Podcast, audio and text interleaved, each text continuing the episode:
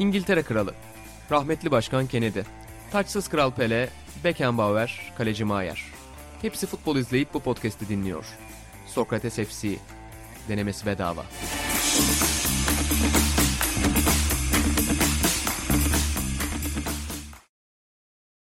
Sokrates'ten herkese merhabalar. Sokrates FC'nin yeni bölümüne hoş geldiniz. Ben İnan Özdemir, Atahan Altınordu ve İlan Özgen'le birlikte dünyanın pek çok ülkesinde dinlenen 42 ülkesinde dinlenen hatta size verilerle geldim.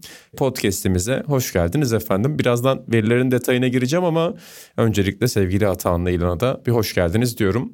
Nasılsınız? İyiyiz, hoş bulduk. Sen de hoş geldin. Hoş bulduk. Hararetli bir sohbet vardı podcast öncesinde de. Yani biz yarım saattir konuşuyoruz. Sadece oraları kayıt altına almadık.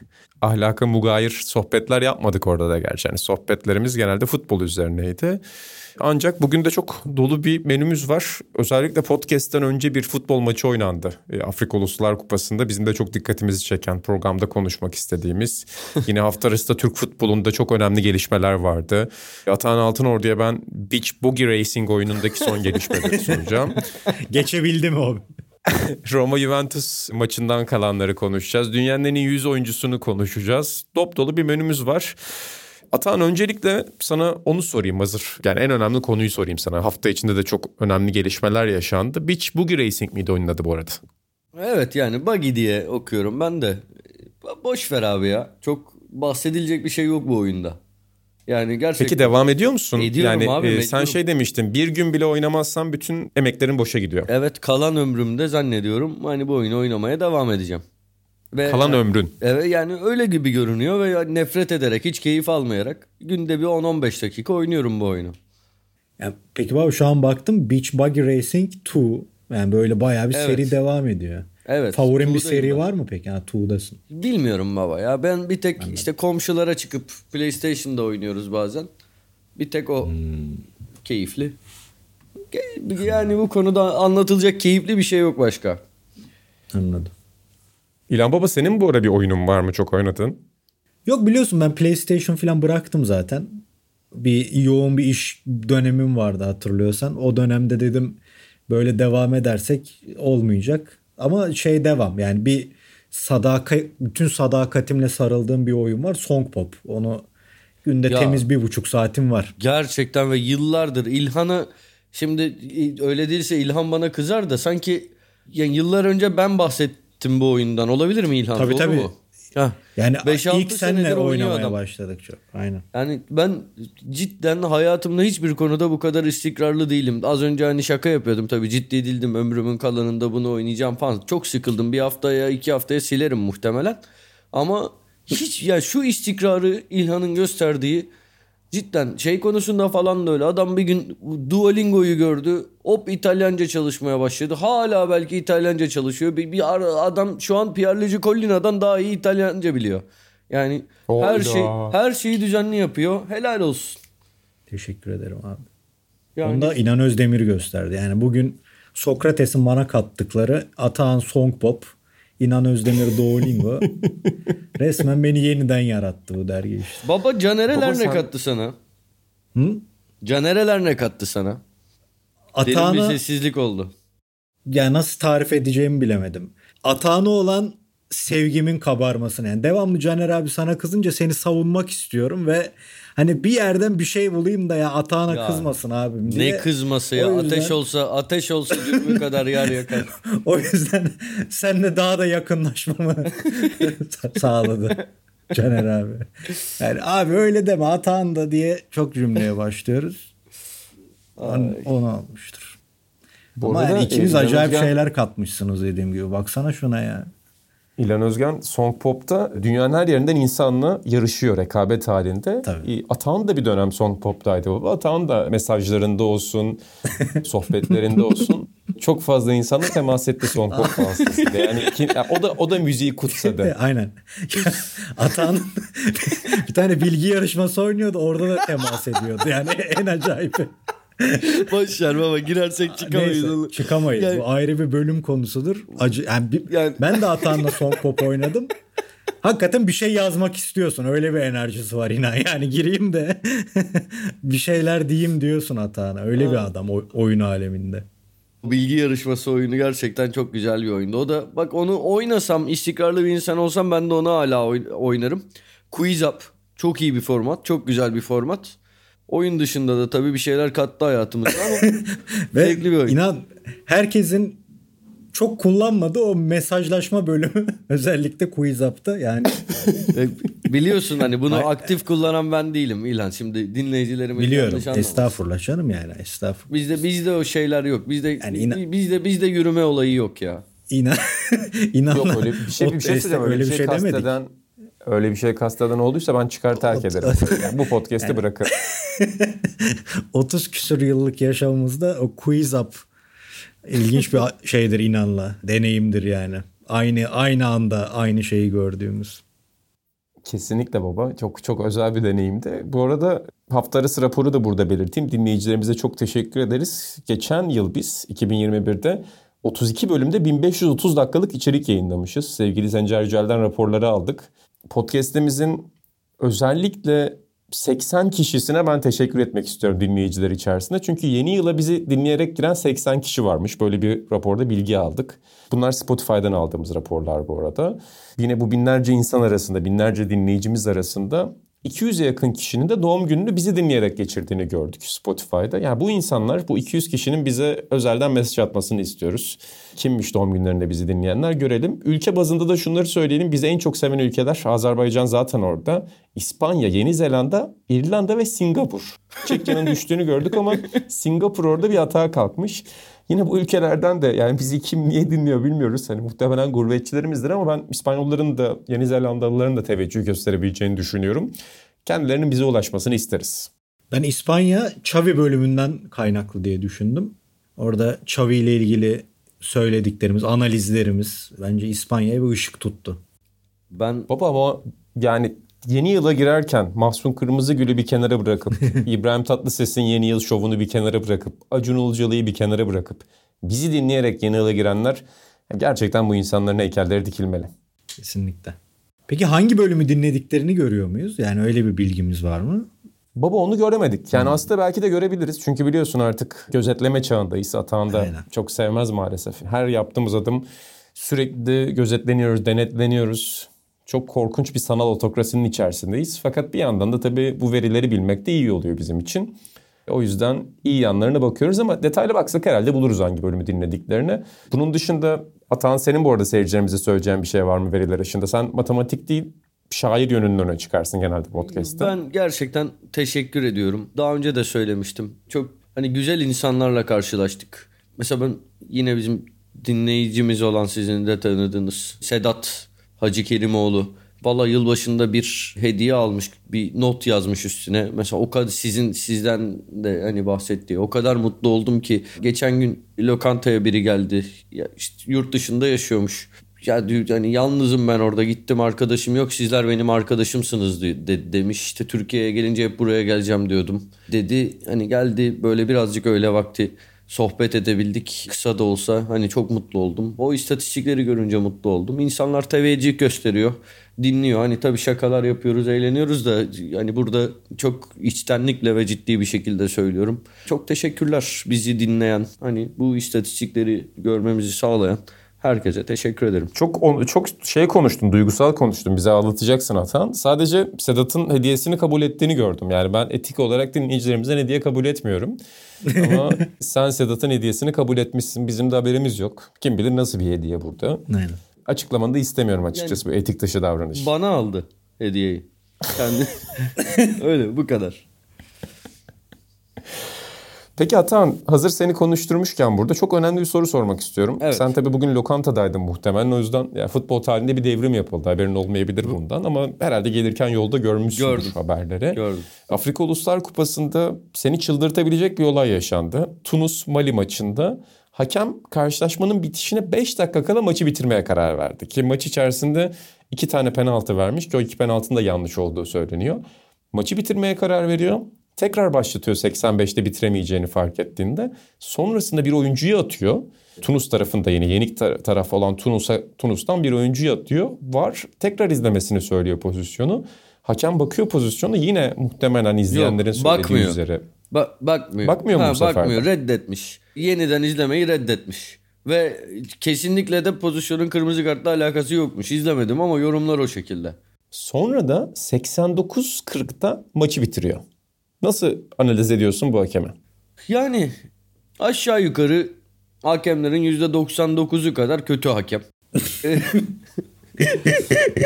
Sade, sadece biraz daha belirgin işler yapmış. Bu arada ya gerçekten su molası varmış. Yani bir sürü oyuncu değişikliği varmış. Kırmızı kartı, penaltısı, vardan işte tekrar çağırması falan. Yani gerçekten inanılmaz bir şey. Artık şey mi bilmiyorum turnuva ilgi çeksin diye ortaya konan bir tezgah mı? Yani bu kadarı biraz anlamsız. Bir de hakem şeyle ünlüymüş.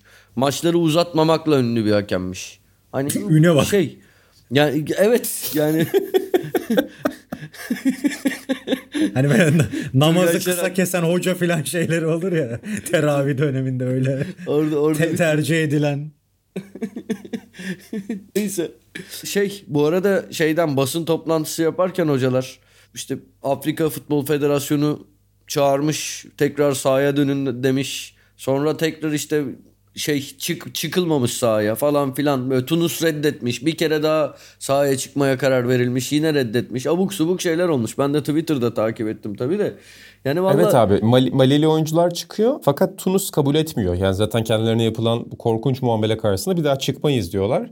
Şimdi federasyon galiba organizasyon karar verecek Tunus'un kaderine. Hani onları da 3-0 hükmen mağlup edip hatta turnuvadan turnuva dışı bırakma ihtimalleri var. Muhtemelen podcast yayınlandığında belli olmuş olur. Oralar biraz bayatlayacak ama olayın şoku içerisinde o tarafta. Bir şey söyleyeceğim. Ya bu arada bu sadece bu maçta falan değil. Ben dünyada hakemlerin işte bahisinden tut saçma sapan bir sürü işlerin içinde olduğundan adımın Atahan Altınordu olduğun kadar eminim.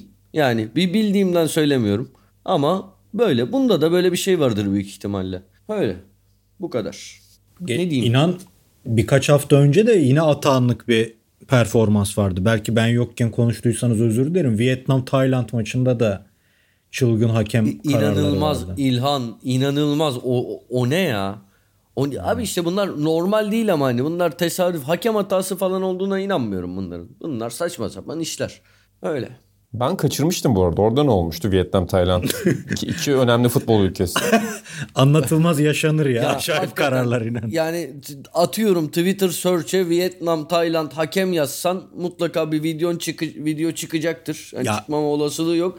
Akıl almaz bir şey. Akıl İnan almaz hani- bir şey yani. Abartılı spor filmleri olur ya bir Ya- Bad Boys vardır. Böyle yumruk atarlar, vururlar, kimsenin sesi çıkmaz. Böyle bir hakem arkasına alma durumu olur. Hani dersin ulan bu kadar olur mu filan. O kadar olmuş İlhan, durumda İlhan bir maç bir performans. Güzel ama eksik benzetme. Ben senden şu benzetmeyi beklerdim. Hani Buyur düşün ki Türkiye'de bir maçta çok belirgin bariz hakem hataları oldu. Hani çok taraflı bir hakem yönetimi oldu. Ardından o e, haftanın sonunda olacak o kadar da Levent Kırca o maçın skecini yaptı. Hani bak o abartıda bir hakem bu. Tayland, Vietnam, Vietnam Tayland maçında. Düdüğü çalarken daha abartmaya başlardı usta. Bu kadar olurdu. Yani ama ma- maç da böyle. Aynen. Kesinlikle. Yalnız Atan güzel bir şey söyledi. Afrika Uluslar Kupası'nın başladığını da ben bu vesileyle bir kez daha hatırlamış oldum. Gerçekten de iyi bir reklam oldu aslında bir yandan da bakarsanız. Yani. Ya bilinçli yapmamışlardır muhtemelen ama bu Zambiyalı hakemin ki Yanis Gazve galiba adı. Ki Levent Ustalık bir isim bu da. bir daha bakıyorum. Evet, evet. Yanis Gazve e, hakemin adı. Atan dediği gibi Zambiya Federasyonu'nda daha önce ki çok önemli yerlerde de Dünya Kupası'nda da görev almış ama maç tekrar başlamaya çalıştığında yani Malili oyuncular çıktığında onu sahaya çıkarmadılar. Yani Yanis Gazve değil dördüncü hakemin maçı yönetmesini istemişler. O da komik bir enstantane. İlhan Baba sen de biliyorum çok takip ediyorsun bu turnuvayı. Muhtemelen bundan sonra da daha yakından bakacaksındır. Ya bir ara çok izlerdim Eurosport'un düzenli verdiği dönem. Hatta Bado'nun parladığı filan bir kupa vardı. Yani çok izlediğim Afrika kupaları oldu da bunu bak hiç şey yapmadık. Bundan sonra hocamın peşindeyim. Her maçı ne kadar uzatacak onu bile tartacağım. Çünkü bu bu prestije bayıldım. Maçları az uzatmasıyla ünlenmesine bayıldım yani. evet sevgili Bir de Buğra atmış. Da yazmış. Özür dilerim. Bir de Buğra atmış inancım. Maçtan önce de Moritanya Milli Marşı yerine yani diğer maçta Moritanya Milli Marşı yerine başka marş çalınmış. Hem de 3 defa. Öyle bir organizasyonda da bir resitallik durum var yani. Sevgililer de şey diyor hani sarmayan maçı keyfe kadar bitirmek. Cılız da olsa devrim teşebbüsü gibi futbolda demiş. Doğru bir şey olabilir bu da yani yepyeni bir akım olabilir. Baba senin söylediğin gibi bu arada bir dönem gerçekten hepimiz Eurosport'tan çok izlerdik. Çok da keyif olurdu. Ben Ahmet Hassanlı Mısır milli takımlarını destekledim uzun bir süre boyunca. Sonrasında tabii biraz koptuk Afrika futbolundan ama Yanis Kaz sayesinde tekrar döneceğiz. E, bakalım bundan sonra bu Sokrates FC'de bu turnuvayı yerinde takip edecek efendim. Deyip gündemimize dönelim Atahan. Özellikle sana burada tabii ki görüşlerini merak ediyoruz, sormak istiyoruz ki Türk futbolunda şu an çok yoğun bir şekilde tartışılıyor. Tabii biz de İlhan Baba ile aralarda belirteceğiz ama sen daha yakından takip ediyorsun. Galatasaray Fatih Terim'le yollarını ayırdı ve herkesin aynı şakayı yaptı. Domenek Torrent'i takımın başına getirdi. Haklı olarak tabii bu şaka yapılmaya devam ediliyor ki daha bir gazete manşeti de atılır muhtemelen önümüzdeki dönemde. Sen tabii ki Galatasaray'ın Süper Lig'de özellikle son dönemde kötü bir futbolu vardı. Sıralamada 12.liğe kadar düşmüştü. E, bu kararı bekliyor muydun? Şaşırdın mı bu süreçte senin şaşırdığın ya da farklı gördüğün neler yaşandı? Öncelikle şunu söyleyeyim o şakayı 2014 yılında ben de yapmışım. Dün işte birkaç retweet aracılığıyla gördüm. Fatih Demireli ile Domenek Torrent hakkında bir sohbetimiz olmuş WhatsApp'ta. Ben de işte böyle bu çirkin, hiçbir yaratıcılığı olmayan bu şakayı ben de yapmışım. Fatih de tabii o çirkin ve hiçbir yaratıcılığı olmayan şakaları çok sevdiği için onun bir de screenshot'ını almış. 2014'te paylaşmış. Dolayısıyla bu şakalara sallama hakkım yok. Bunu yapmış biri olarak. Sen ilk şakayı yapmış olabilirsin bu arada. Aynen. Sanmam ya bu ismi duyan herkes yani o şakayı yapmıştır muhtemelen. Ama hani bilmiyorum. Neyse. Şey yapıldı mı? Hoca kötü giderse herhalde o yapılacak. BitTorrent.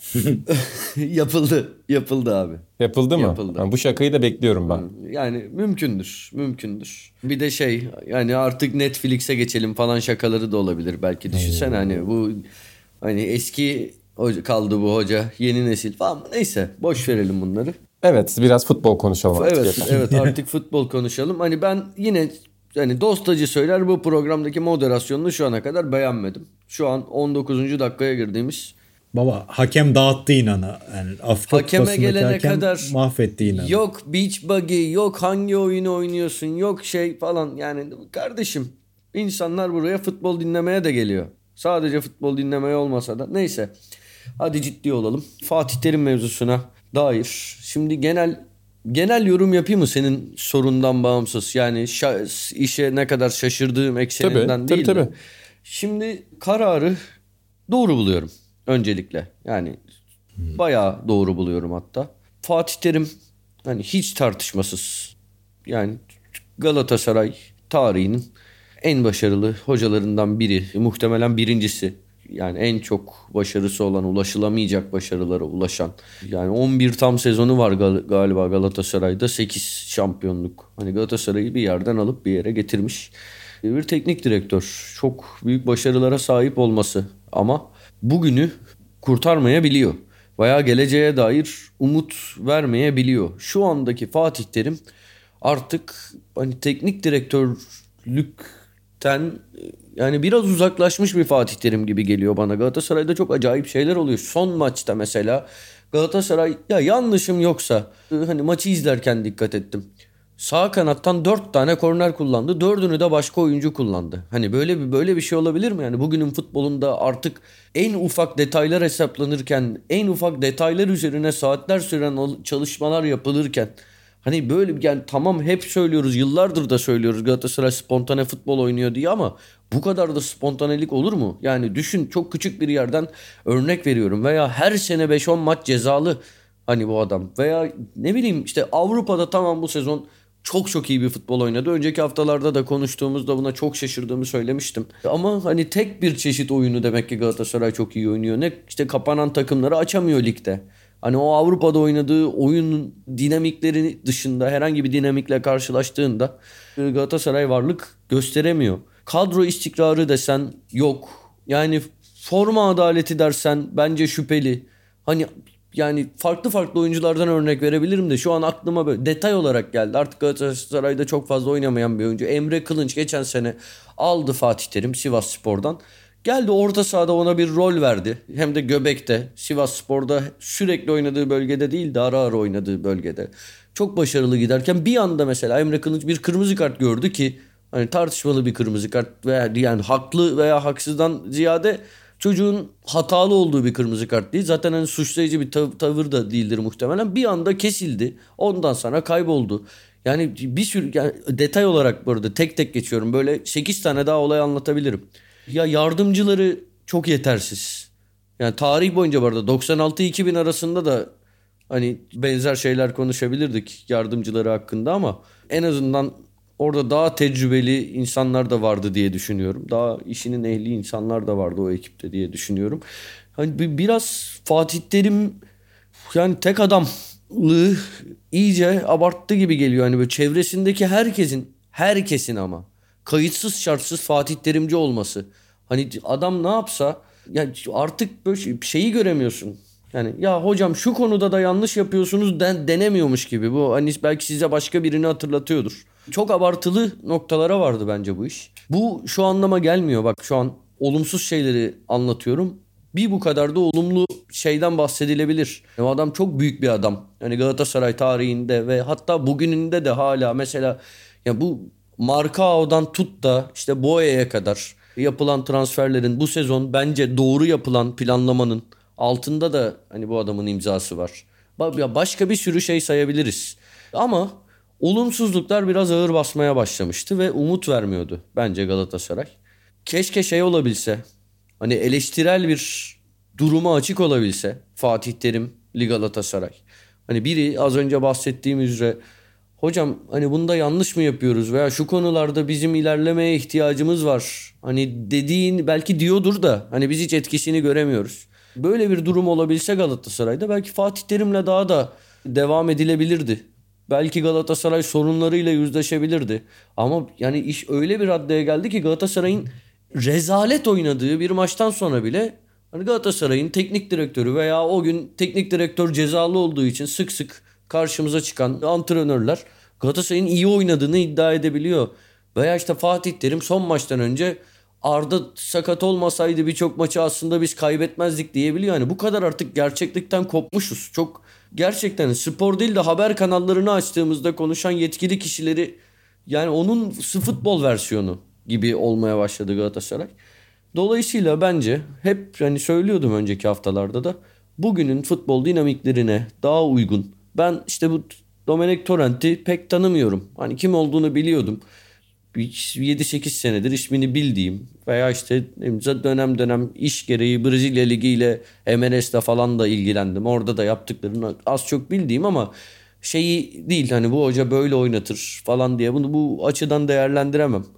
Muhtemelen hani geçen hafta bir yerde yan yana otursaydık aa bu Domenek Torrent'tir diyemeyeceğim bir adam. Onu yorumlayamam. Ama şey olarak bakış açısı olarak hani Galatasaray hocayı doğru yerde aramış gibi geliyor bana. Şunu soracağım sana burada. Şimdi araya bu arada sor da sor birkaç Tabii. çok uzatmadıysam biraz daha konuşmak isterim. Mümkün müdür? Söyleyeceğim şeyler var. Süreni doldurdun. Estağfurullah söyleyebilirsin. Sen, sen devam et. Şey sen sor abi özür dilerim. Biz birazdan zaten İlhan Özgen'le birlikte Domenek Torrent takımları nasıl oynarı bir anlatacağız. hem MLS'ten hem Brezilya Ligi'nden. Hazırladım bir şey. Ee, baba, babayla detaylı görüntülü bir analiz hazırladık. Ee, baba sağ olsun okları da çıkardı. Domenek Torrent oyunu Torrent Ball üzerinden. T-Ball.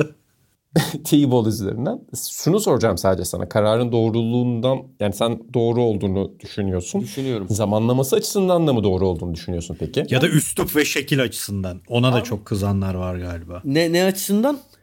Üslup ve şekil açısından hani böyle mi ayrılmalıydı? Abi Allah aşkına şimdi yani nasıl ayrılacak? Aydınlat bizi ben bilmiyorum Çünkü, özür dilerim abi, sordum. Biz de, biz de bilmiyoruz. Fatih Terim bunun dışında bir şey söylem söylemedi. Burak Elmas da geldi medenice konuştuk dedi hocayla. E, onun fikirlerinden faydalanmaya devam edeceğiz dedi. Sözleşmede ne yazıyorsa hani hakkını vereceğiz dedi de, demiş. Ama Fatih Terim yok asla tazminat istemiyorum demiş. Hani böyle medeni bir şekilde. Hani daha ne olabilir? Şimdi yani Türkiye'de her zaman yani Abi üslup açısından hiçbir sorun bence olmadı. Çok medenice bir veda oldu. Bak şey demiyorum yani Galatasaray başkanını Galatasaray yönetimini aa işte her şeyi doğru yapıyor bu adamlar falan. Hiç böyle bir bak yaklaşımım yok. Hatta hani şu ana kadar beklentilerin belki biraz altında Galatasaray yönetimi de belli konularda başka şeylerin bizim de programımızın çok konusu değil böyle şeyler çok konuşmuyoruz da yani ben bir tarafçı değilim ama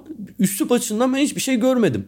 Ama yani kimse hani sonuçta Türkiye'de her şeye fanatizmle bağlanılıyor. Hı hı. Taraf takımlara da fanatizmle bağlanılıyor. Takımların içinde de işte mesela şu an Galatasaray'da bir böyle fanatik terimciler, bir işte bu zaman zaman işte Ünal Aysalcılar oldu başka bir dönem. İşte Belhandacılar, Belhanda düşmanları bir şeyler falan hani her takımda oluyor. Burada da o fanatik Fatih Terimciler aha işte tamam olgunlukla hani biz bunu kabul ediyoruz mu diyecekler. Bir şeye sallayacaklar. Buna sallıyorlar mesela bence. Hani bu adam böyle gönderiliyorsa eğer tabii ki bir, bir şekilde tepki gösterilecek yönetime. O da böyle üstün. Şöyle üstün abi ben değil. orada şunu düşünüyorum. Mesela orada şeye takıldılar haklı. Yani bence o, haklı olan noktalardan biri o. İşte böyle konularda çok şeffaf oluyor gibi düşündüğünde bile yönetimler ve başkanlar çok şeffaf olmuyorlar bence. Yani mesela Burak Elmas ya da Galatasaray açıklamasında diyor ki karşılıklı anlaşarak, karar vererek yolladık. Şey görevine görevinden ayrıldı ya da görevinden yani bu biraz iktidar dili de olmaya başladı. Yani insanların kovulduğu gelişmeleri böyle makyajlayarak anlatmaya çalışıyorlar bir kere meselenin öyle olmadığı ortaya çıkmaya başladı. Yani Fatih Terim'in öyle karşılıklı anlaşma yoluyla ayrıldığı gibi bir şey yok. Görevine devam etmek istiyormuş gördüğümüz kadarıyla. E, zaten son maç sonunda söyledi. Bu devam edeceğiz dedi. Evet. Diğer taraftan şey de bence insanların haklı olarak eleştirdiği noktalardan biri. Hani sen seçim kampanyanı tamamen Fatih Terim'in teknik direktörlüğü üzerine kurarsan hatta işte diğer başkanlar da hep beraber işte söz verelim Fatih Terim hoca olarak devam edecek diyelim dersen tabii ki senin Fatih Terim'i sezon ortasında yollamana insanlar tepki gösterirler bence. Yani sen hakikaten başkanlık seçim kampanyanı kurduğun teknik adamı sezon ortasında yolluyorsan bu tepkileri göğüslemek zorundasın. Göğüslerken de ben basın toplantısı da çok başarılı bulmadım. Yani tabii ki basının karşısına çıkıp açıklama yapması Burak Elmas'ın önemlidir ama sürekli işte ben o kararı verdim. Hani kendi başkanlığının gücünü göstermek için o kararı ben verdim. Ben aldım. Ben aldım demesi işte yönetim kuruluyla sanki onun arasında bir çatışma var da o biraz zorunda kalmış gibi bir psikoloji, zayıf bir başkan psikolojisi yaratılmıştı. Ona tepki olarak bir basın toplantısı yaptı. Bana biraz garip geldi. Ben biraz daha dışarıdan bakan biriyim. En azından medya iletişimi anlamında bu kararı açıklama, anlatma, kararın detaylarını verme konusunda çok daha sakin, çok daha serin kanlı olunabilirdi. Tabii ki bu kadar büyük bir figür söz konusuyken o güç ayarlarını ayarlamak, bütün tepkileri göğüslemek, o tepkilerden kaçmak çok kolay değildir. Ama bence daha iyi yapılabilirdi mutlaka daha iyi yapılabilirdi. Ama küçük birkaç notum var. Birincisi abi kovduk dese hani biz Fatih Terim'in görevine son verdik dese o zaman hani bu sefer üslup eleştirileri daha fazla yanlış bulacak kendini. Hani Fatih Terim gibi bir figür olunca onun kariyerine, başarılarına, Galatasaray camiası içindeki ağırlığına, hani yaşına, her şeyine hürmeten böyle söylemek bence daha usturuplu. Genel hani Türkiye'deki kültürden bağımsız. İkincisi de hani evet Fatih Terim Burak Elmas'ın başkan olmasında ciddi bir pay sahibidir bence de. Fatih Terim'le devam edeceğini söylemesi, Fatih Terim'in de desteği birçok kişiyi etkilemiştir. Hani bugün bu arada Fatih Terim hani öyle bir figür ki Türkiye'de hani çok daha büyük şeyleri bile etkileyebilir bir lafıyla. Çünkü çok fazla seveni var. Çok hani büyük bir figür.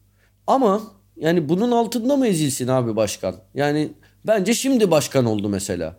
Ben hep şey diye düşünüyordum. Fatih Terim'in sözünden kolay kolay çıkılmayacak bir kulüp gibi düşünüyordum Galatasaray'ı şu anda.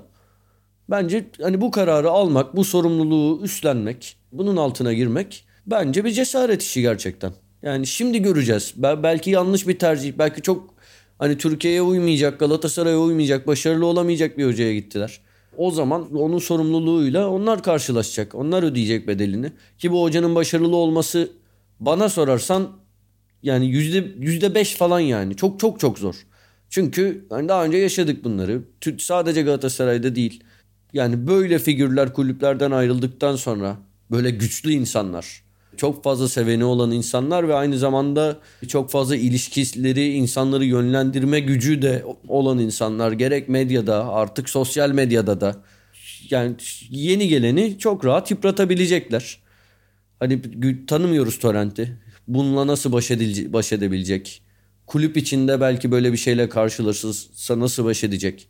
Hani bunları bilmiyoruz. Hani şu an başarılı olma ihtimali çok düşük. Ama yine de bir değişime ihtiyacı vardı Galatasaray'ın. Şöyle bu arada ben hani şey demek de istemiyorum. Yani bir kere seçime öyle gidildi. İşte Burak Elmas yönetimi bütün serüveni boyunca Fatih Terim'le çalışacak diye bir gerçek yok tabii ki. Yani bu yola çıkarken profesyonel bir yola çıkıyorsun. Bir ortaklığın var. O ortaklık bir noktada durdurulabilir. Yani sadece bu işte yol haritası içerisinde o kadar fazla kendi ikballerini Fatih Terim'in ikbaline bağladılar. O kadar aynı yolun yolcusu ve sadece o yolun yolcusu gibi davrandılar ki insanlar da haklı olarak senin söylediğin daha önce işte eylem olarak insanların önüne sunduğun şeyi sana bu tip anlarda getirirler. Yani kriz yönetimi anlamında bunlar çok kritik tabii ki. Genelde seçim sıralarında insanlar bunları çok düşünmüyorlar her şey yolunda gidecekmiş gibi görüyorlar ama burada da gördük ki kulüp yönetmek gerçekten çılgınlık. Yani hem taraftar baskısıyla uğraşmak hem Türkiye'nin kendine has dinamikleriyle uğraşmak çılgınlık. Orada bir kırılganlık gösterdiğinizde bir anda çökebilirsiniz. Bir anda hiç beklemediğiniz sonuçlara gidebilirsiniz. Başka bu sürece dair eklemek istediğin neler var? Eklemek istediğim bir şey var. Yani sizin de tanıdığınız Eray Sözen ne dair bir şey söylemek istiyorum. Galatasaray'ın press officer'ı. Eray uzun yıllardır orada. Hani benim hem iyi bir arkadaşım hem hani iş olarak çok beğendiğim biri. Uzun yıllardır Galatasaray'da. İlk hatta biz kulüpte Galatasaray'da çalışmaya aynı gün başladık herhalde. Birlikte girdik işe. O sonra o daha kulüp takım tarafına geçti. Ve yıllardır orada başarıyla iş yapıyor. Fatih Terim'le birlikte o da galiba kendi isteğiyle çok böyle detaylı konuşmadım. Görevden ayrıldı. Hani şunu söylemek istiyorum. Hani bence biz Eray'la her konuda anlaşamayız. Hatta bak ben yıllardır Eray'la doğru düzgün futbol konuşmuyorum. Çünkü mesela ben eleştiri yapınca falan Eray'ın canı sıkılıyor. Bu diyor bizim hayatımız. Yani adamı kötü şeyler duymak istemiyor anladın mı? Veya böyle ben mesela Fatih Terim'i eleştirince bazen atıyorum yani. Rahatsız olabileceğini hissediyorum. Şey yapıyorum hani çok konuşmuyoruz ama hani bence hani bu sektöre, ülkeye, her şeye bakıyorum hepsinin ortalamasının çok üzerinde. Çok disiplinli, çok çalışkan, çok karakterli. Çünkü bu özellikle futbol dünyasında bu kulüplerde çalışan insanlar belli konumlara geldiklerinde hani bu merak edilen bir iş olduğu için hep sağda solda böyle söylememesi gereken, sır olarak kalması gereken şeyleri anlatırlar. Prim yapmak için. Eray ne bundan prim yaptı ne şey yaptı. Yıllardır işiyle yani gece gündüz. Ya yaşlandı çocuk. Abisinden daha yaşlı gösteriyor yani. Kendisinden 4-5 yaş büyük abisi var. Kulüpten ayrılışı gerçekten Galatasaray için çok büyük kayıp. Ki hakikaten çok büyük kayıp. Mert Çetin aynı şekilde. Çok başarılı, e, ilişkileri çok iyi. Yani böyle insanları kaybetti Galatasaray. O açıdan hani yeri doldurulamayacak bence. Asıl kayıplar cidden, gerçekten. Bence onlar yani bunu söylemek istedim ya. Öyle. Yani Vallahi hoca gider. Yok, Özellikle hoca gider, e, Eray... yenisi gelir ama yani böyle insanları kolay kolay yani Galatasaray bu bu insanlar gibi hem bu kadar Galatasaraylı hem bu kadar çalışkan hem bu kadar ahlaklı insanları kolay kolay bulun bulamayabilir. Bunu söylemek istedim. Ben Eray Sözen'e dair hem sevginin bu konuşmana çok etkili olduğunu biliyorum ama objektif olarak da buna baktığını biliyorum. Bir yandan da tabii bir sorumluluk hissediyorsun çünkü senin 90'lar partilerinden bir tanesinde Eray Sözen sakatlanmıştı. Yıllar yani yıllar geçtikten sonra bir özür olarak da mı bunu Sokrates FC'de? Yani ilk defa paylaşıyoruz bu bilgiyi FC dinleyicilerine ama... Bu arada bizim iyi o... bir dinleyicimizdir Eray. Ahenkli setinde o sette zaten yani o sette kaza yapmak mümkün değil zaten. İlhan Baba da hatırlar. Maalesef Eray elin bir kaza geçirmişti. Geçirmişti. Atan yılan gibi kıvrılır. Ama tecrübesiz adam sakatlanır. Baba galiba ilk partideydi. Hani Sokrates'teki ilk Ben Eray'ın sakatlığını hatırlamıyorum. Birlikte yaptığımız ilk partiyi unutamam ama yani onu Eray'ın sakatlığını hangi partide olduğunu hatırlamıyorum. Bana haberi sonra geldi. Ama ilk parti ve ilk parti yapılan o barı ömrüm yani beni farklı şekillere soksa da unutamam. Muazzam bir yerdi. Zaten o bar kapandı baba. Yani Tabii. o partiden sonra kapandı. Bir daha da üzerine çıkılmaz. Yani tuvalet sırasında kulağımıza gelen o diğer insanların muhabbetleri falan acayip bir yere düşmüştük. Ama sonra efsane yeri buldu Atan. O bizim ha. benim düğünden sonra da yaptığımız neydi Atan mekanı Kırmızı orada tazı. kapanı. Kırmızı orada tazı. Kapandı. Kırmızı tazı. Kırmızı tazı. Oralarda nargile kafeler falan var İlhan. Türkiye'de işte. Of. Acayip. Yani kırmızı tazı Sokrates derginin viski gogosudur diyorum. O derece. Burada İlhan Baba şöyle de ilginç bir şey var. Tekrar futbol tarafına atan senin de görüşünü merak ediyorum burada. Şimdi Fenerbahçe'de İsmail Kartal sezon sonuna kadar görevin şey teknik direktörlüğe getirildi. Ki hani sizin de farklı şekillerde tanıdığınız isimlerden biridir. İlhan Baba sen röportaj yapmış mıydın İsmail Kartal'la? Yok garip bir şekilde 103 golde şey yapmıştık. O hafta Rize Spor mu ne çalıştırıyordu? Maçımız var sonra konuşalım dedi. Ya hocam ama her hafta maçınız var neticede hani ne ne günü denk getireceğiz? E, 103 gol dosyasında yapmadığımız bir iki insandan biriydi. Ki efsane bir dosyadır. Sokrates'in en iyi dosyalarından biridir. 103 gol dosyası. Şöyle söyleyeyim baba. Hem Galatasaray'ın hem Fenerbahçe'nin hem de Beşiktaş'ın aynı anda geçici teknik direktörlüğe emanet edildiği bir haftaya girmiştik Aynen. ki İsmail Kartal'ı da hala öyle kabul edebiliriz. Ya bu anlamda da çok ilginç. Yani tabii ki bu kulüplerin birçoğunun biz yıllar içerisinde antrenör sorunu yaşadığını gördük ama yani Türkiye futbol tarihine geçen bu anlamda bir sezon yaşıyoruz. Yani üç tane kulüp emanetçilere bırakılmış vaziyette ve hani kulüp başkanları, kulüp yönetimleri nereye gideceğini bilmiyorlar şu anda takım felsefesi olarak. Tamam Galatasaray Torrent'le anlaştı. Hani bu iki gün önceydi benim söylediğim şey. Fatih Terim ayrıldığında söylediğim bir şeydi ama garip bir boşluk var şu anda. Takımlar da ne yapacaklarını çok bilmiyor gibiler. Yani ben sizler kadar takip etmiyorum ama Beşiktaş'ın hocasını bu haftaki hocasını görünce bir duygulandım. Kendisiyle bir türlü konuşamadığım için de üzgünümdür. Çok isterim. Halim Okta yani birçok insan onu tabii ki Beşiktaş'taki o kısa süreli birkaç aylık gündeme geldiği performansı sonra çok şey vaat eden ama bir türlü bekleneni gerçekleştiremeyen Halim Okta olarak hatırlayabilir ama bendeki yeri şöyle ayrıdır. Tayinimiz Balıkesir'e çıktığında iyi bir Balıkesir spor vardı. Biz de devamlı maça gitmek isteyen çocuklardık kahramanla. Ve ya iyi bir birinci ligi zorlayan bir Balıkesir spor kadrosunun yıldızlarından da Halim Okta. Ve yani Balıkesirli o döneme yetişmiş futbol severler için ayrı yere sahip bir insandır. Onu görünce bir yandan bunun nostaljisini de yaşadım. Çok mutlu oldum. Çok özellikleri olan işte fena bir forvet oyuncusu da değildi ayrıca. Baba şaşırdım şu anda. Hani senin böyle bağlantın olduğunu bilmiyordum. Ben de bu hafta nerede duydum? Ben yani kendisinin kariyerini bilmiyordum Hı-hı. bu arada. Yani ayıptır söylemesi. Cahilliğime verin. Çok yetenekli bir forvetti ama Beşiktaş'ta yedek kaldığına evet. dair bir şey duymuştum ben de bu hafta. Mehmet abi söyledi galiba programda. Evet Mehmet abinin programda vardı. Şeyde söyle şunun adını. Aykut Kocaman'ın 88-89 sezonunda golle girdiği haftada o da Beşiktaş'la aynı hafta golle başlar. Hiç de fena gitmez ama ondan sonra bir türlü de olmaz. Hani Gordon Mill'in bile ya istenileni alamadık diye böyle bir kendini sorguladığı oyunculardan biridir. Ama bendeki yeri dediğim gibi Balıkesir Spor, Halim onun şarkısı, tezahüratı her şeyi de vardı. Benim sesim iyi değil maalesef. Keşke Atahan gibi bir patlatabilsem. Geçenki İstanbul'da sonbahar performans tarzı. Ama 95-96 sezondaki Halim Okta performansı daha sonra devam etmişti yani. Ben Balıkesir Spor altyapısına girdim. Onları idmanlarda izliyordum. İşte Sami, Halim, Suat, Altay o takımın. Hatta şey de vardı. Ne çocuğun adı? Kaleci. Mert, Mert'in babası Mert. o da vardı o takımda. Ali Hikmet Paşa tesislerinde antrenmanlarına kadar izledim. Ben de yeri çok böyle ayrı olan bir takımdır. Halim Ok da onun için çok sevdiğim bir yani futbol insanıdır. Baba senin için duygusal bir hafta çok, olmuş. Yani Hakikaten görür görmez sözünden. bir noktada bir anda kulübü o da birçok şu anda Covid dolayısıyla da zaten böyle sıkıntılar yaşanıyor. Birçok isim böyle işte altyapı antrenörü, farklı yerlerde çalışanlara böyle şanslar da geldi bu dönem içerisinde.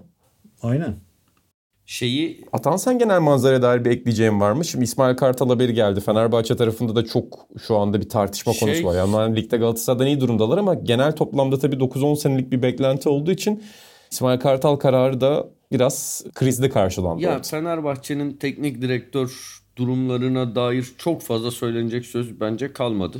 Hani bu çok ciddi bir başarısızlık Fenerbahçe'nin. hani Ali Koç döneminde hani geçir teknik direktörsüz geçirdiği günler Hani hala da işte neyse yani valla söylenecek bir şey kalmadı. Ben şunu eklemek istiyorum. İlhan'a da sormak istiyorum. Sen Beşiktaş'ın son maçlarını izledin mi İlhan? Yok. Emirhan'ı gördün yok. mü? Yok. Ha. Baba. Var mı Umut? E, baba hem çok güzel hikaye. Çocuğun böyle 5-6-7 yaşlarında tribünden fotoğrafları var işte bu kartal pençesi yaptığı falan. Böyle altyapıdan çıkmış. Hem çok gerçekten çok heyecan verici bir futbol oynuyor. Tabii Hani bazı futbolcu da çıkıyor bu topu ilk 3 maçında oynuyor. Sonra nereye gittiğini görüyoruz. Hani hiçbir şey olmuyor. Böyle birçok futbolcu gördük. Ben ilk maçında of yeni Emre Belezoğlu çıktı falan dediğim bir sürü topçu e, hiçbir şey olamadı. Ama yine heyecanlandım ben. Hani Emirhan gerçekten hem sahadaki böyle tavrı, heyecanı, hem rahatlığı, böyle top tekniği gerçekten beni heyecanlandırdı. Hatta bir yerde de inan tam senlik bir şov yaptı. Biliyor musun? Top benden çıktı diye bir anda alkışı aldı. Taca taç Bir şey pozisyonunda O, ama o benlik hareket değildir. O senlik ya hareket. bence senlik de hareket. Benlik de. Ama burada küçük bir problem var abi. Top rakipten çıkmıştı. Emirhan'dan çıkmamıştı. o zaman senlik bir hareket olmuş abi. Beni çok heyecanlandırdı. Bir de şey de bu arada Ben, beni ben de çok beğendim bu arada. Yani zaten özellikle ilk maçlarında tabii parlayan genç yeteneklerin, yeteneklerin en önemli özelliği şey oluyor. Çok iyi adam geçebilmeleri bir kere zaten insanları aşık ediyor. Çok fazla bu tip kanat oyuncusu ya da işte çok fazla böyle adam eksilten genç oyuncu görmedikleri için takımlar özellikle. Hele bu tip bir hikaye senin bahsettiğin gibi çok etkiledi Beşiktaş taraftarını da. Bu arada şey de abi. Şimdi Halim Okta'dan bahsettik ama bu maçta korona olduğu için takımın başında yer alamayan Önder Karaveli de ben de çok duy- güzel duygular yaratıyor abi. Ne zaman kendisinin konuşmalarını izlesem, kenardaki halini, tavrını gördüğümde hani böyle bir ya kulüplerin çok fazla birbirinden farkı yok ama hani bir yandan bazı imajlar var. Beşiktaş'ın da hani böyle kelimelere nasıl dökeceğimi bilemediğim ya bu bunu nasıl anlatacağımı bilemedim ama Beşiktaş'a çok yakıştırıyorum. Hani böyle Beşiktaş'ın güzel taraflarına, Beşiktaş kulübünün ayırt edici özellikleri midir bunlar yoksa hani öyle mi anlatılmak istenir Beşiktaş kulübü bilmiyorum ama o güzel şeylere çok yakıştırdım ben Önder Hoca'yı. Böyle kenarda çok güzel bir hikaye var yani. Yani bu adam böyle inşallah bir mucize olur. Hani Beşiktaş'ın başında devam eder. Yani cidden ben çok büyük bir sevgiyle izliyorum hocayı. Çok hoşuma gidiyor. Bunu söylemek istedim. Bu arada ben de bu süreçte yeni bir kalıp öğrendim. Geçen gün Fatih Terim'in işte haberinden sonra akşamki programları izlerken şeyi gördüm. Domenek Torrent bahsedilirken İthal Hoca diye bir kalıp gelmiş Türk futboluna. Belki daha önce de vardı. Hani yerli hoca yabancı hoca değil. Siz hani nasıl Galatasaray'ın başına ya da Türk büyük kulüplerimizin başına İthal Hoca getirirsiniz. Herhalde bu yepyeni bir kalıp olacak gibi hissediyorum Türk futbolunda. Peki inan kimden çıkmıştır bu İthal hoca? Biraz Erman Toroğlu lafı gibi. Baba olabilir, olabilir. Yani Erman Hoca'yı son dönemde daha çok maç yorumculuğuyla tabii hani Tony Romo NFL'de nasıl maç yorumcuları öne çıktıysa Erman Hoca'yı da konuşmadı ve maça dair bir şey söylemediği o maç yorumculuğuyla tabii gördük ama çok ona benziyor. Yani antrenör dediğin antrenör gibi olacak abi. Öyle bir Penaltı penaltı var. gibi olur. O tabiri koydu. Aynen penaltı penaltı gibi olacak. Tabii Erman Hoca onu şey olarak arttırmıştı o bahislere. Genelkurmay Başkanı, Genelkurmay Başkanı gibi olacak. ee, tarihi konuşmasında kodumu oturtacak tarzda bir açıklaması vardı. Bu kalıpta bu İthal yorumcu kalıbında takipçisi olacağız önümüzdeki günlerde. Sokrates FC yorumcuları, programcıları olarak İspanya'dan, İrlanda'dan, Yeni Zelanda'dan seyircilerimize müjdeyi verelim şimdiden. Baba ben podcast öncesi, her podcast öncesi bir kere şunu söylüyorum. Kendi aramızda konuları tartışırken. Atahan da sen de artık alıştınız. Yılın en iyi 100 futbolcusu geleneğimiz. Ocağın ilk haftalarında. Aynen her sene Guardian e, yılın en iyi yani bir önceki yılın en iyi 100 futbolcusunu seçer. Ben de e, o konuyu podcast'e taşırım. Fakat bunu bir sonraki podcast'e taşıma gibi bir fikrim var. Böylece bu ilişkimizi de ayakta tutalım istiyorum. Yani o heyecan da bitmesin. Çünkü bu konunun konuşulacağı belli. Bir noktada konuşacağız zaten. Sana başka bir şey sormak istiyorum. Ve boş Hafta arasında boş konuşmayacağız. 100 oyuncunun ayrı ayrı analiziyle geleceğiz. Onun için biraz derinlemesine olsun. tabii kağıtlarımızı çıkardık, görüntülerimizi çıkardık, çalıştık oyunculara dair. Önümüzdeki haftalar Messi ne yapar, Salah ne yapar, Benzema nerelerden topa vurur hepsiyle buradayız. Hepsinin var. Fakat benim şöyle bir problemim oldu geçen haftalarda. Avrupa futboluna damga vuran bir maç oynandı. Roma Juventus maçı. Maç 3-1 olduğunda ben Esport ekranlarında maçı takip ediyordum. Ve bir Mourinho seyircisi olarak da maçın takipçisiydim yani. Aa dedim ne güzel işte mutlu oldum. Roma'nın öne geçmesi. Zaten 3. gol inanılmazdı. Fakat sonrasında pazar gecesi olduğu için pazar gecesi olması lazım. Öykü dedi ki ya yargı dizisi var dedi. O yüzden de yargı dizisine geçtim. Daha sonra da maçın peşinde bıraktım. Fakat sonrasında sosyal medyanın dalgalandığını görünce bir baktım maç 4-3 olmuş. üzüldüm açıkçası maçı 4-3 oluşunu kaçırdığımı. E, bana ne kaçırdığımı anlatabilir misin? Sana onu sormak isterim. Yani gerçekten unutulmaz bir maç. İtalya Ligi için bir anlamı olacak mı zirve yarışında? Sen ne gördün o maçta? Bir sana gücendim. Yani bu maçlar ancak Can Yaman dizisi varsa satılabilir. Onun dışında affı yok. İki Pellegrini'nin golü cidden muazzamdı. Ama Kadir abime gene bir selam çakayım. Ben penaltıyı kaçıracağını hissettim. Çünkü bu tarz maçlarda iki tane büyük iş yapamazsın yani. Hani bir tane yaptın o frikiyi attın. O frikik olmasaydı o penaltıyı atardı belki. Chiesa olayı üz- Evet, babam da izliyorsa oldu bence. babam da izliyorsa kesin kaçırır kaçırır demiştir. Benim de tahminim o yönde. Chiesa olayı kötü oldu. Sakatlıktan nasıl döneceğini bilmiyoruz. Sıkıntılı bir iş. Maç nasıl döndü dersen Roma zaten Roma Roma'nın nesi kötü? Mourinho neden başarısız ya da Roma neden bu kadar aşağılarda sorularına cevap verirken kesinlikle ilk cümleler savunması ile ilgili olur. Yani Atalanta maçı olsun, işte Avrupa ne o yeni kupada Avrupa'da kupada Bodo Glimt maçı olsun. Birçok maçta Roma'nın yani iki senedir Smalling'le anlaşmaya çalışan bir takım. Yani kurtarıcı olarak onu gören bir takımdan bahsediyoruz. Yoksa bence orta sahasında ya da forvetin değer forveti biraz daha şey de orta sahası falan o kadar da kötü bir takım değil. Ya 3-1'den sonra 7-8 dakikada Juventus'un sadece işte Locatelli gibi, McKennie gibi ceza sahasında hareketlilik kazandırabilecek oyuncuların oraya gitmesi maçı çözdü. Yani maçta öyle acayip bir taktik hamle ya da acayip bir durum yoktu. Ama sadece ufak bir kıpırdanma Roma savunmasının allak bullak olmasına yetti.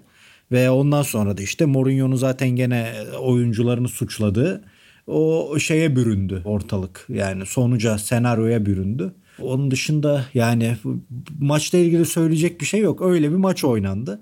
Yorumculardan Engin Kehale de zaten yani taktik teknik olarak bu maçı açıklayamayız dedi defalarca. Evet yani Roma'nın o dağınıklığından faydalanan ve ayakta kalan Juventus maçı kazandı. Ama cidden İtalya Ligi bu belli olmaz gerçi ama çok öyle maç çıkıyor. Şu ana kadar bu ayın en iyi maçı gibi duruyor. Bütün her şeyle yani 3-1, 4-3, penaltı, onun kaçması, kırmızı kart her şeyle çok ilginç bir maçtı. Şöyle bir şey yapardım ben bir İtalyan gazeteci olsam muhtemelen. Şimdi 4-3 oldu. Ertesi gün herhalde La Gazzetta dello Sport, Tutto Sport falan sallıyorum şu anda eskiden kalma. Bu gazete manşetlerinden hatırladığım tek şeyleri. Corriere della Sera işte müthiş yılın maçı, ayın maçı falan derken bir tane İtalyan gazetecinin şey demesi lazım baba. Hıncı Uluç tarzı. İtalyan futbolu benim için bitmiştir. Sezonun en kötü maçı ve tarihin en kötü İtalya Ligi sezonu. Muhtemelen bunu diyecek biri lazım. Roma'da herhangi bir köşe başında çocuklar bu futbolu oynuyordur muhakkak filan diye böyle bir mahalle maçı vurgusuyla bir yaza, yazılmalıydı evet. Ya da koskoca savunma yetiştiren 60 yıldır savunmanın referansı olan İtalyan futbolu Smalling'e mi kaldı? gibi bir çıkışa, çıkışta yapılabilir bu konuda. Ya da şey vardır biliyorsun Giuseppe Giannini'nin Lazio yani Roma'dan ayrılma sebebi. Bir Lazio Roma maçında penaltıyı kaçırır. Başkan da o penaltıyı atacak adam atsın o penaltıyı gibi bir posta koyar Giannini'ye. Valla. yani Pellegrini de şimdi yeni Roma'nın çocuğu yani Sassuolo'da oynadı ama esas Roma'dan yetişmedir ve işte Giannini, Totti, Conti onların bayrağını taşıyan o misyonun yüklendiği bir oyuncu. Ben de beğendiğim bir oyuncudur. Başkanın böyle bir posta koyması güzel olurdu ama. Peki son soru baba. Juventus'un sen bir dönüş yapma şansını görüyor musun? Yani zirve yarışı nasıl şekillenecek sence İtalya Abi bundan sonra? Inter şampiyon olmazsa çok büyük sürpriz olur yani. Ben İtalya ligini biliyorsun hep aynı şekilde değerlendiriyorum. Inter çok çok önde. Hem mentalite olarak hem kadro olarak çok iyi takım. Epey iyi bir takım. O zaman şampiyonu ilan ediyoruz. Hayırlı olsun. %90. Yani daha zaten eksik maçları var galiba. O eksik maçlarını falan da oynarlarsa kazanırlarsa. Yani onu takip eden Milan'ın Napoli zaten acayip bir durumda. Sakatlar şunlar bunlar. Atalanta desen o savunmayla ne kadar gider bilmiyorum. Ama Inter çok çok şey. Yani bu hafta mesela Lazio'dan bir gol yediler. Herkes şoka girdi. Yani hiç Inter'in yiyeceği bir gol değil o. Ben Avrupa'da da Liverpool ya da City gibi formda takımlar çekmezse gider diyordum. Gitti Liverpool'u çektiler ama ya Inter çok çok oturaklı takım ve Conte döneminde daha onu oyuncular da söylüyor. Ben de sene başından beri söylüyorum. Conte döneminde daha oyunu tutup skoru alma üzerine kurulu bir sistemleri vardı. Şu anda keyif alıyorlar, keyif veriyorlar. İşte Hakan hamlesi misal çok önemli. Ben 10 numarada Hakan'ı beğenmiyordum ama işte mesela Lazio'da 10 numara kullanır. Inzaghi burada 10 2 10 numara kullanmadı. 2 8 gibi oynuyor. İşte Hakan da böyle 8 gibi oynatıyor. İlk başlarda Hakan 10 numarada olmayınca filan. Yani çok güzel hamleler yapıyor. Çok iyi değişiklikler. Takımın mentalitesinde farklılıklar oluşturuyor. O yönden çok beğeniyorum Inter'i yani. Bence Inter'in şampiyon olmaması sürpriz olur. Juventus'un her şeyden yani işte Locatelli misal ceza sahasına girince iş yapıyor ama işte onu yapınca iş yapıyor. Locatelli orta sahanın çehresini değiştirmez. İşte Conte dönemindeki Pirlo hamlesiyle ben hep şampiyonluğun alındığını ve o döngünün sağlandığını düşünürüm. Yani Pirlo'nun gelmesi İtalya'da her şeyi değiştirmişti. Çünkü onun üzerine kuruyordun takımı. Juventus'un öyle bir hamle yapması lazım. Onun dışında yani Juventus'un bunu yapmadığı sürece çok devamlılığı olacağını düşünmüyorum.